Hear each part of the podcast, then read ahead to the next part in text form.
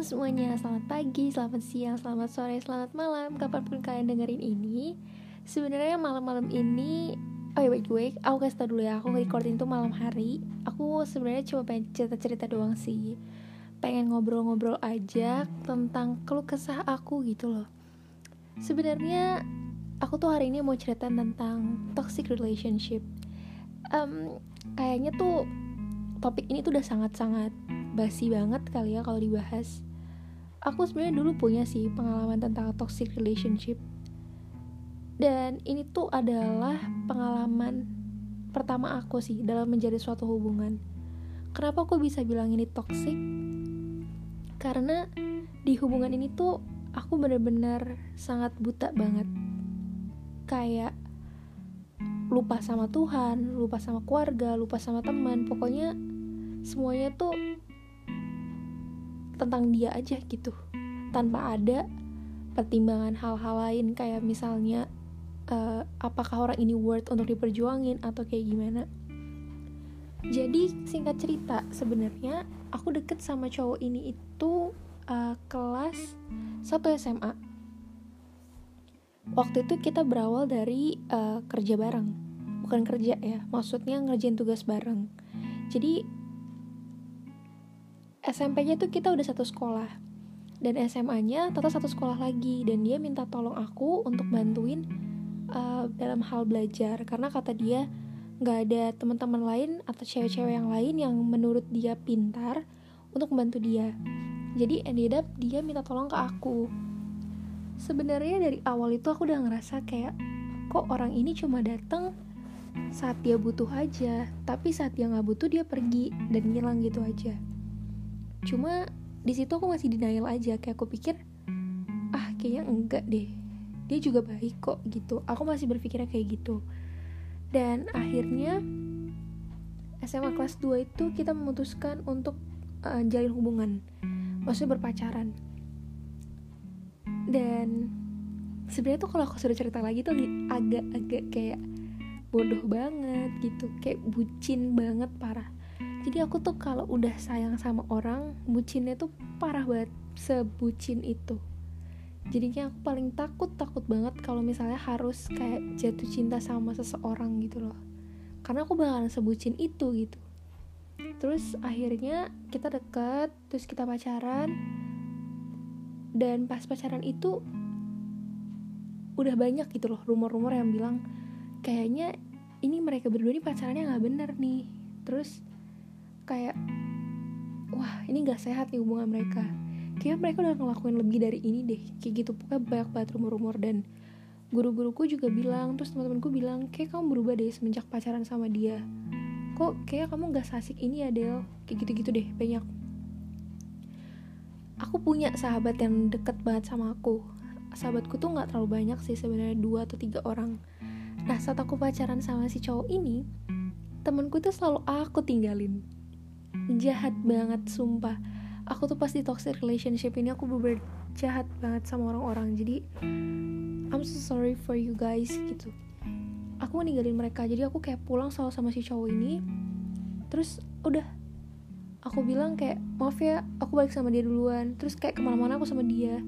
Jadi teman-temanku ditinggalin sampai teman-temanku tuh kayak ngomong kok kita masih ya mau temenan sama dia padahal kita nggak pernah dianggap padahal kita selalu ditinggalin.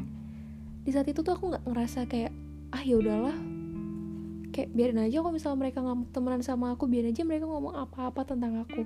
At least I have him with me gitu. Maksudnya aku punya si cowok ini tuh sama aku terus. Kayak aku ada dia kok. Kalau misalnya teman-teman ninggalin teman-teman aku ninggalin aku aku masih punya dia dan nggak ada masalah gitu. Tuh aku nggak sendirian dan di situ aku benar-benar nggak sadar. Bahkan guru-guruku juga udah bilang kayaknya kamu jangan dilanjutin deh sama dia. Mendingan kamu cari yang lain. Dan sedikit informasi sebenarnya uh, aku sama dia juga beda agama. Bedanya bukan beda yang deket tapi bener kayak beda jauh banget. Pasti kalau kalian yang dengerin ini pasti kalian tahu sih maksudnya jauhnya tuh gimana. Dan latar belakang keluarga kita tuh bener-bener beda banget ya jadi kenapa guruku tuh bilang kamu mendingan gak usah sama dia? Karena aku tuh tipikal uh, anak yang deket banget sama orang tua deket banget sama keluarga. Pokoknya keluarga itu selalu nomor satu buat aku. Nah beda halnya sama si cowok ini. Cowok ini tuh kayak susah banget untuk berkomunikasi dengan keluarganya. Even saat dia deket sama keluarganya aja tuh dia nggak mau ngomong tapi dia nge-whatsapp ke orang tuanya untuk minta izin atau apa pun dan bahkan dia jarang untuk ngabarin atau sekedar nanya kabar orang tuanya. Jadi latar belakang yang sangat berbeda itulah yang guru-guruku dan teman-temanku bilang mendingan kamu gak usah sama dia. Dia bukan dari keluarga yang broken home ya. Maksudnya keluarganya tuh masih utuh orang tuanya masih lengkap. Tapi relationshipnya yang bisa dibilang tuh kayak anak-anak broken home gitu. Like his mother gak tahu kabar tentang anaknya nggak tahu anaknya tuh di mana. Pokoknya uh, sangat clueless banget lah relationshipnya tuh berseburuk itu. Berbeda halnya dengan keluargaku. Kalau di compare ya di antara kita berdua aku nggak bilang kalau keluargaku sama eh aku nggak bilang kalau keluargaku tuh kayak hebat banget atau deket banget seintimate itu enggak cuma so kalau di compare dengan si cowok ini. Balik lagi terus setelah udah aku ngerasa kayak ah, nggak apa-apa deh aku masih punya dia. Terus aku nggak dengerin omongan yang lain guru-guruku tuh udah merasa kayak ada yang aneh something fishy gitu. Kok hubungan mereka nggak kayak pacaran anak SMA gitu? Jadi pernah uh, satu saat itu aku di kelas jadi guruku tuh lagi keluar aku sama dia duduk sebelahan. Kita kalau nggak salah tuh lagi waktu apa free time gitu lah waktu lagi bebas.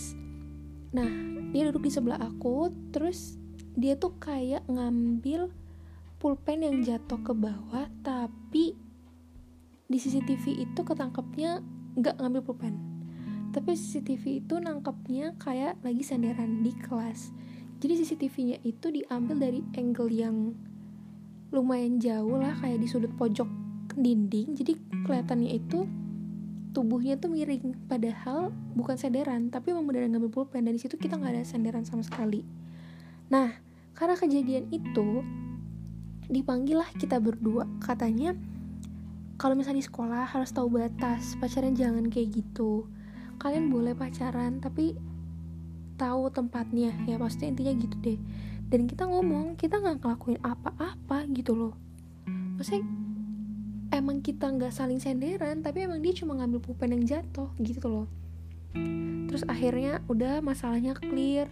Terus juga pokoknya apa ya kenapa aku bisa bilang ini toxic? Jadi karena kebucinan aku itulah yang akhirnya mengelit aku ke perbuatan yang gak bener. Bukan gak bener sih kita gak melakukan yang kayak seks bebas or anything enggak tapi yang gak bener itu kayak kita jadi saling mengekang satu sama lain. Selalu pengennya udah kamu sama aku aja pulang kamu sama aku kamu gak boleh ke mana-mana yang kayak gitu. Dan entah mengapa mungkin dianya juga ngerasa kayak oh pas pacaran kok jadi kayak gini gitu. Ya mungkin buat se apa ya mungkin buat teman-teman yang denger kalau misalnya berpelukan itu adalah hal yang biasa gitu kan. Cuma untuk aku berpelukan tuh bukan hal yang biasa sih. Karena aku cuma pelukan tuh sama keluarga aku gitu loh. Sama anggota keluarga aku nggak pernah pelukan sama orang lain gitu. Jadi kayak merasa diri ternodai gitu loh. Ya sebenarnya hal-hal yang menurut aku toxic itu karena hubungannya udah jadi nggak sehat adalah ketika aku mau mengejar mimpi aku itu selalu ditahan gitu loh. Kayak udahlah kamu gak usah inilah. Kamu sama aku aja. Udah nanti kita bakalan kayak gini ke depannya. Udah kita bakal ini ini ini. Jadi aku nggak bisa mengembangkan diri aku. Aku nggak bisa. Kayak misalnya aku mau ngelakuin A nggak dibolehin gitu. Dan aku tuh nggak pernah banget kalau misalnya pacaran tuh nge-update foto sama cowok di Instagram atau di other social media yang aku punya aku nggak pernah.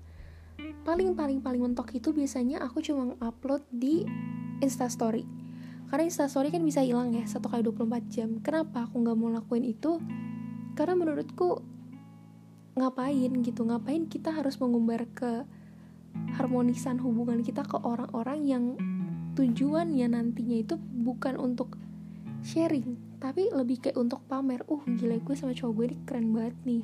Kita kayak couple goals banget. Kasih kayak gitu kan? Dan aku nggak mau itu. Cuma dia berpikir kalau kalau gitu berarti aku nggak serius. Aku nggak menghargai dia sebagai pacar eh dia sebagai pacar aku karena aku lebih memilih untuk tidak mempublikasikannya ke orang-orang. Entah ya aku nggak tahu apakah itu penting mungkin buat sebagian orang atau itu sangat-sangat krusial banget.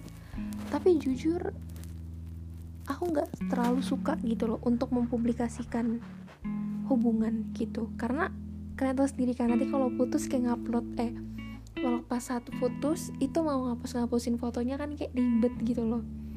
Jadi yaudah terus yang paling aku sedih adalah aku meninggalkan Tuhan maksudnya aku meninggalkan Tuhan adalah jadinya aku nggak punya waktu untuk beribadah.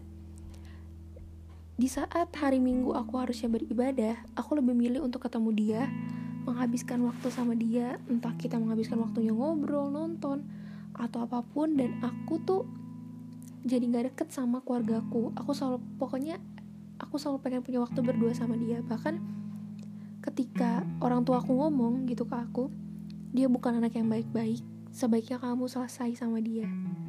Aku marah dan aku kesel banget di situ dan akhirnya aku memutuskan untuk men apa ya untuk mengabaikan keluarga aku gitu loh.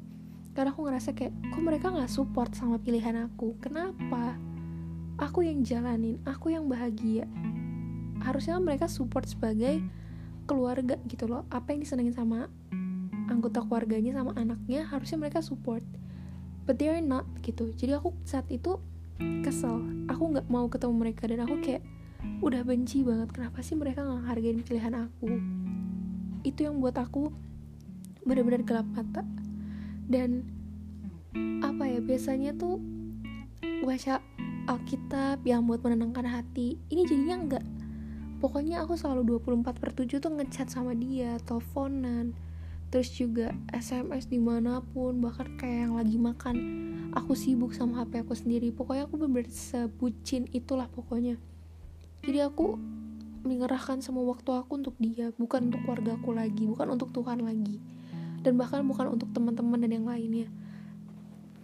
Dan sesimpel halnya kayak misalnya sosial media ada orang yang nge-line, nge-whatsapp atau apa pun aku males banget untuk jawab. Dan bahkan aku lupa untuk jawab aku lebih milih pokoknya dia yang paling atas dia yang aku pin. Kalau dia yang uh, tanya aku yang langsung jawab. Pokoknya dia yang selalu punya quick access ke aku gitu. Jadi aku benar-benar menutup diri aku dan setoksik itu hubungan aku. Aku nggak bisa berkembang. Aku ngelupain Tuhan aku ngelupain teman-teman aku aku nggak mau dengerin orang-orang. Bahkan aku self denial gitu loh. Saat sebenarnya dari hati nurani aku tuh aku udah kayak apa ini hubungan yang baik ya untuk dijalani? Ketika aku menyakiti semakin banyak orang dalam waktu yang semakin lama apa ini yang jadi kepuasan aku? Aku pacaran itu ada 8 bulan deketnya satu tahun lah ya in total. Jadinya mungkin karena di awalnya udah deket terlalu lama kali dan akhirnya hubungan serius terus jadi toksik 8 bulan itu menurutku udah cukup lama untuk hubungan yang toksik dan banyak banget pihak-pihak yang tersakiti gitu loh. Jadi aku ngerasa kayak akhirnya waktu itu kenapa aku bisa sadar dari hubungan ini adalah ketika aku ngerealize ketika aku menyadari kalau uh, aku diselingkuhin. I'm not saying kalau misalnya dia selingkuh karena kesalahan dia seutuhnya gitu loh. Pasti saat dia selingkuh aku juga punya salah. Namanya juga sebuah hubungan. Kita nggak cuma bilangnya tentang satu pihak tapi pasti kedua pihak punya salahnya masing-masing gitu. Aku tuh nggak nyangka kalau misalnya dia akan selingkuh. And Yap, dia selingkuh sama sahabatku. Mungkin terdengarnya aneh kali ya, kok aku gak sadar gitu. Aku baru tahu itu saat aku kelas 3 SMA. dan ternyata mereka udah deket dari kelas 1 SMA jadi sebelum aku pacaran sama dia saat aku masih deket ternyata dia udah selingkuh. Iya sedih sakit iya. Dan di saat itu aku putus aku nangis. Aku bener-bener kayak nggak mood makan. Aku sampai turun berapa ya? 4 kilo kayaknya deh ada pokoknya gara-gara sedih terus nangis lesu. Dan kalian harus tahu alasan aku putus dia bilang katanya karena dia nggak bisa ngebahagiain aku. Dan dia bilang dia pengen aku lebih bahagia. And it's kind of funny at first gitu. Aku ngerasa kayak kok dia alasannya kayak gini ya? Nggak masuk akal. Dan sekarang ketika aku cerita kayak gini aku malah ketawa. Alasan bodoh macam apa itu? Dia bilang dia pengen aku lebih bahagia. Terus selama ini apa yang dilakuin gitu loh? Kalau dia emang gak bisa bagian aku kenapa dia asking me to become his girlfriend gitu loh? Kan kalau dia nggak bisa bagian dari awal ngapain? Itu dan saat itu aku sadar he's not worth it. Dia bukan cowok yang pantas aku perjuangin. Untuk apa? Bahkan dia nggak menunjukkan sisi lelakinya gitu loh. Mungkin dia deketin aku cuma karena dia pikir aku pintar. Dia bisa minta aku bantuin kerjaan PR ngajarin dia. Pokoknya bisa naikin nilainya. Dan iya benar banget uh, selama dia pacaran sama aku selama dia deket sama aku tuh nilainya naik banget. Dan di luar ekspektasinya lah pokoknya. Dan aku ngerasa kayak wah ini fix sih. Dia cuma manfaatin aku doang. Dan ya sekali lagi he's not worth it gitu. Jadi saat itu aku bener-bener akhirnya aku memutuskan untuk putus. Karena aku nggak kuat di saat di tahap-tahap hubungan yang setiap hari tuh aku selalu sedih. Setiap hari aku tuh selalu nangis. Kenapa aku nangis? Karena ketika kita dipisahkan oleh jarak mungkin jaraknya sekitaran satu atau dua minggu kita nggak ketemu. Walaupun kita masih chatting ya masih nge-line masih nge-whatsapp. Tapi sikapnya tuh langsung beda. Sikapnya tuh langsung dingin. Pas kita ketemu di sekolah setelah udah libur panjang tuh kan libur kenaikan kelas ya itu tuh dia eh bukan kenaikan kelas nih liburnya tuh yang masih dari Desember ke Januari itu loh libur tahun baru. Langsung bedanya itu dia nggak mau ketemu aku. Bahkan dia nggak pernah menganggap aku ada. Dari saat itu aku merenungkan diri. Salah aku di mana ya? Maksudnya apa yang aku perbuat sampai dia sejauh itu sama aku? Dia nggak mau ketemu aku dia nggak mau ngobrol sama aku dan dia selalu menghindar dari aku. Dan itu kita masih pacaran. Aku mulai ngerasa kayak kok kayaknya ada yang aneh. Sebelumnya kita baik-baik aja. Kita masih benar-benar kayak orang yang pacaran yang intimate banget. Dan temanku bilang kalau dia punya perempuan lain. Ternyata temanku tuh udah mau ngejelasin ke aku dari awal tapi aku selalu denial dan aku selalu bareng sama dia sampai teman-temanku tuh nggak punya waktu untuk ngasih tahu kalau dia nggak worth it. Kalau dia tuh bukan pria yang baik-baik. Orang-orang udah bilang kalau dia bukan pria yang baik untuk aku. Tapi menurutku enggak. Aku yang ngejalanin aku yang lebih tahu. Dan yap alhasil bener banget. He's not worth it gitu. Ya kalau misalnya aku cerita sekarang mungkin aku nggak sedih ya nggak sesedih dulu gitu kalau dulu kayak aku sedih banget pas putus karena aku masih di tahap-tahap yang hatinya rapuh yang kayak 24 per 7 tuh bareng dia terus tiba-tiba aku kehilangan dia aku sedih. Sekarang tuh aku udah bisa cerita kayak gini karena aku udah ngelewatin itu semua. Banyak lah pokoknya hal-hal yang menurutku tidak sebaiknya aku lakukan pas pacaran tapi aku lakukan dengan dia. Dan itu semua berawal juga karena kurangnya rasa kasih sayang sih kalau menurutku ya. Karena aku yang kurang kasih sayang karena dia yang kurang kasih sayang akhirnya kita berada di jalan yang salah. Aku jauh dari Tuhan aku jauh dari teman jadi aku nggak punya someone yang ngelit aku dan ngasih tahu ini loh jalan yang benar. Itu nggak ada karena aku mendekatkan diriku kepada orang yang jahat dan cuma dia aja. Jadi saat dia melakukan yang jahat oh aku ikut dong kan aku pacarnya. Pasti gitu. Dan aku berpikir kayak semua masalah dia itu adalah masalahku karena aku pacarnya gitu loh. Sedangkan dia nggak pernah berpikir kayak gitu. Dia selalu marah kalau misalnya aku ikut campur bukan ikut campur ya saat dia selalu marah kalau aku ngebantu dia menyelesaikan masalahnya. Jadi merasa tidak dihargai dalam hubungan itu gitu. Akhirnya sedih nangis. Itu pokoknya udah jadi temen lah setiap harinya aku sakit hati. Di sekolah ngeliat dia gak mau ketemu sama aku malah ketemunya sama si sahabatku yang selingkuhannya itu. Jalan ke mana diam-diam. Dan itu tuh bener-bener kayak men kita udah deket lama loh. Dan aku ngerasa tuh kita udah bisa ngelakuin ini.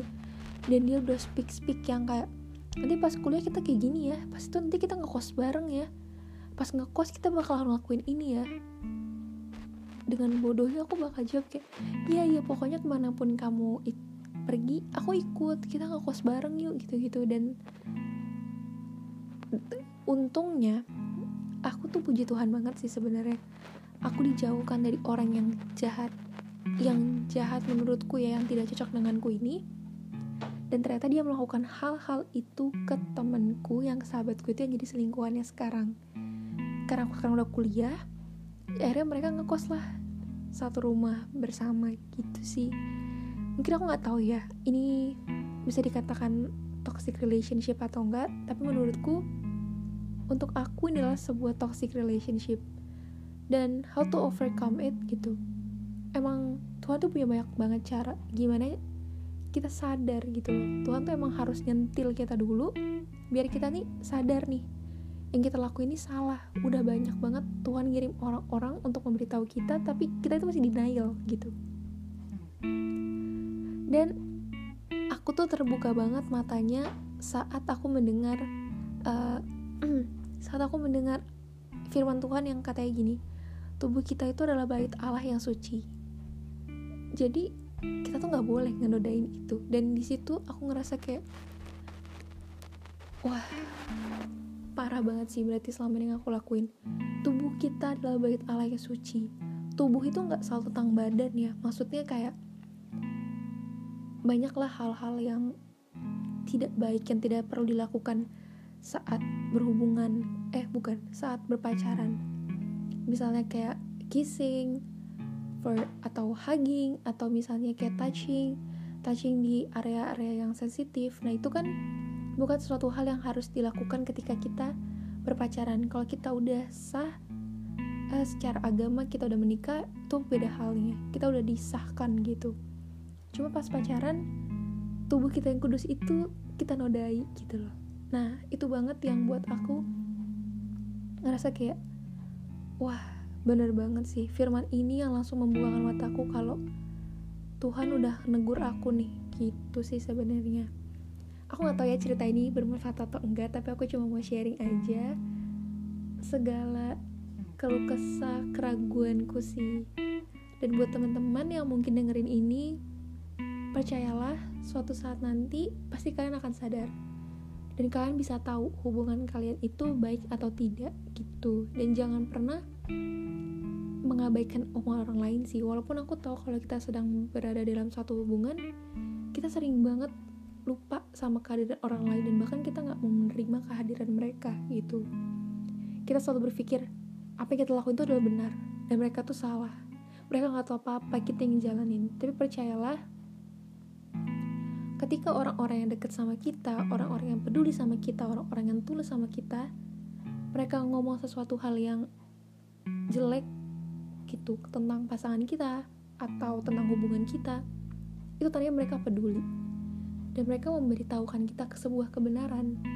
Jadi walaupun kalian berada di hubungan yang toksik gitu dan kalian gak sadar, please dengerin kata-kata orang lain terutama orang-orang yang peduli sama kita ya bukan orang-orang yang out of nowhere terus tiba-tiba bilang eh itu udah pasti ada niat jahat gitu tapi kalau orang-orang yang tulus sama kita apalagi orang tua kita yang bisa ngebaca nih suasananya nih anaknya ini nggak baik please dengerin itu semua untuk kebaikan kita. So segitu dulu aja. Mungkin agak panjang sih podcastnya. Tapi terima kasih banget buat kalian udah dengerin. Dan selamat tidur. Have a good day and have a good night. Dadah. Terima kasih. thank you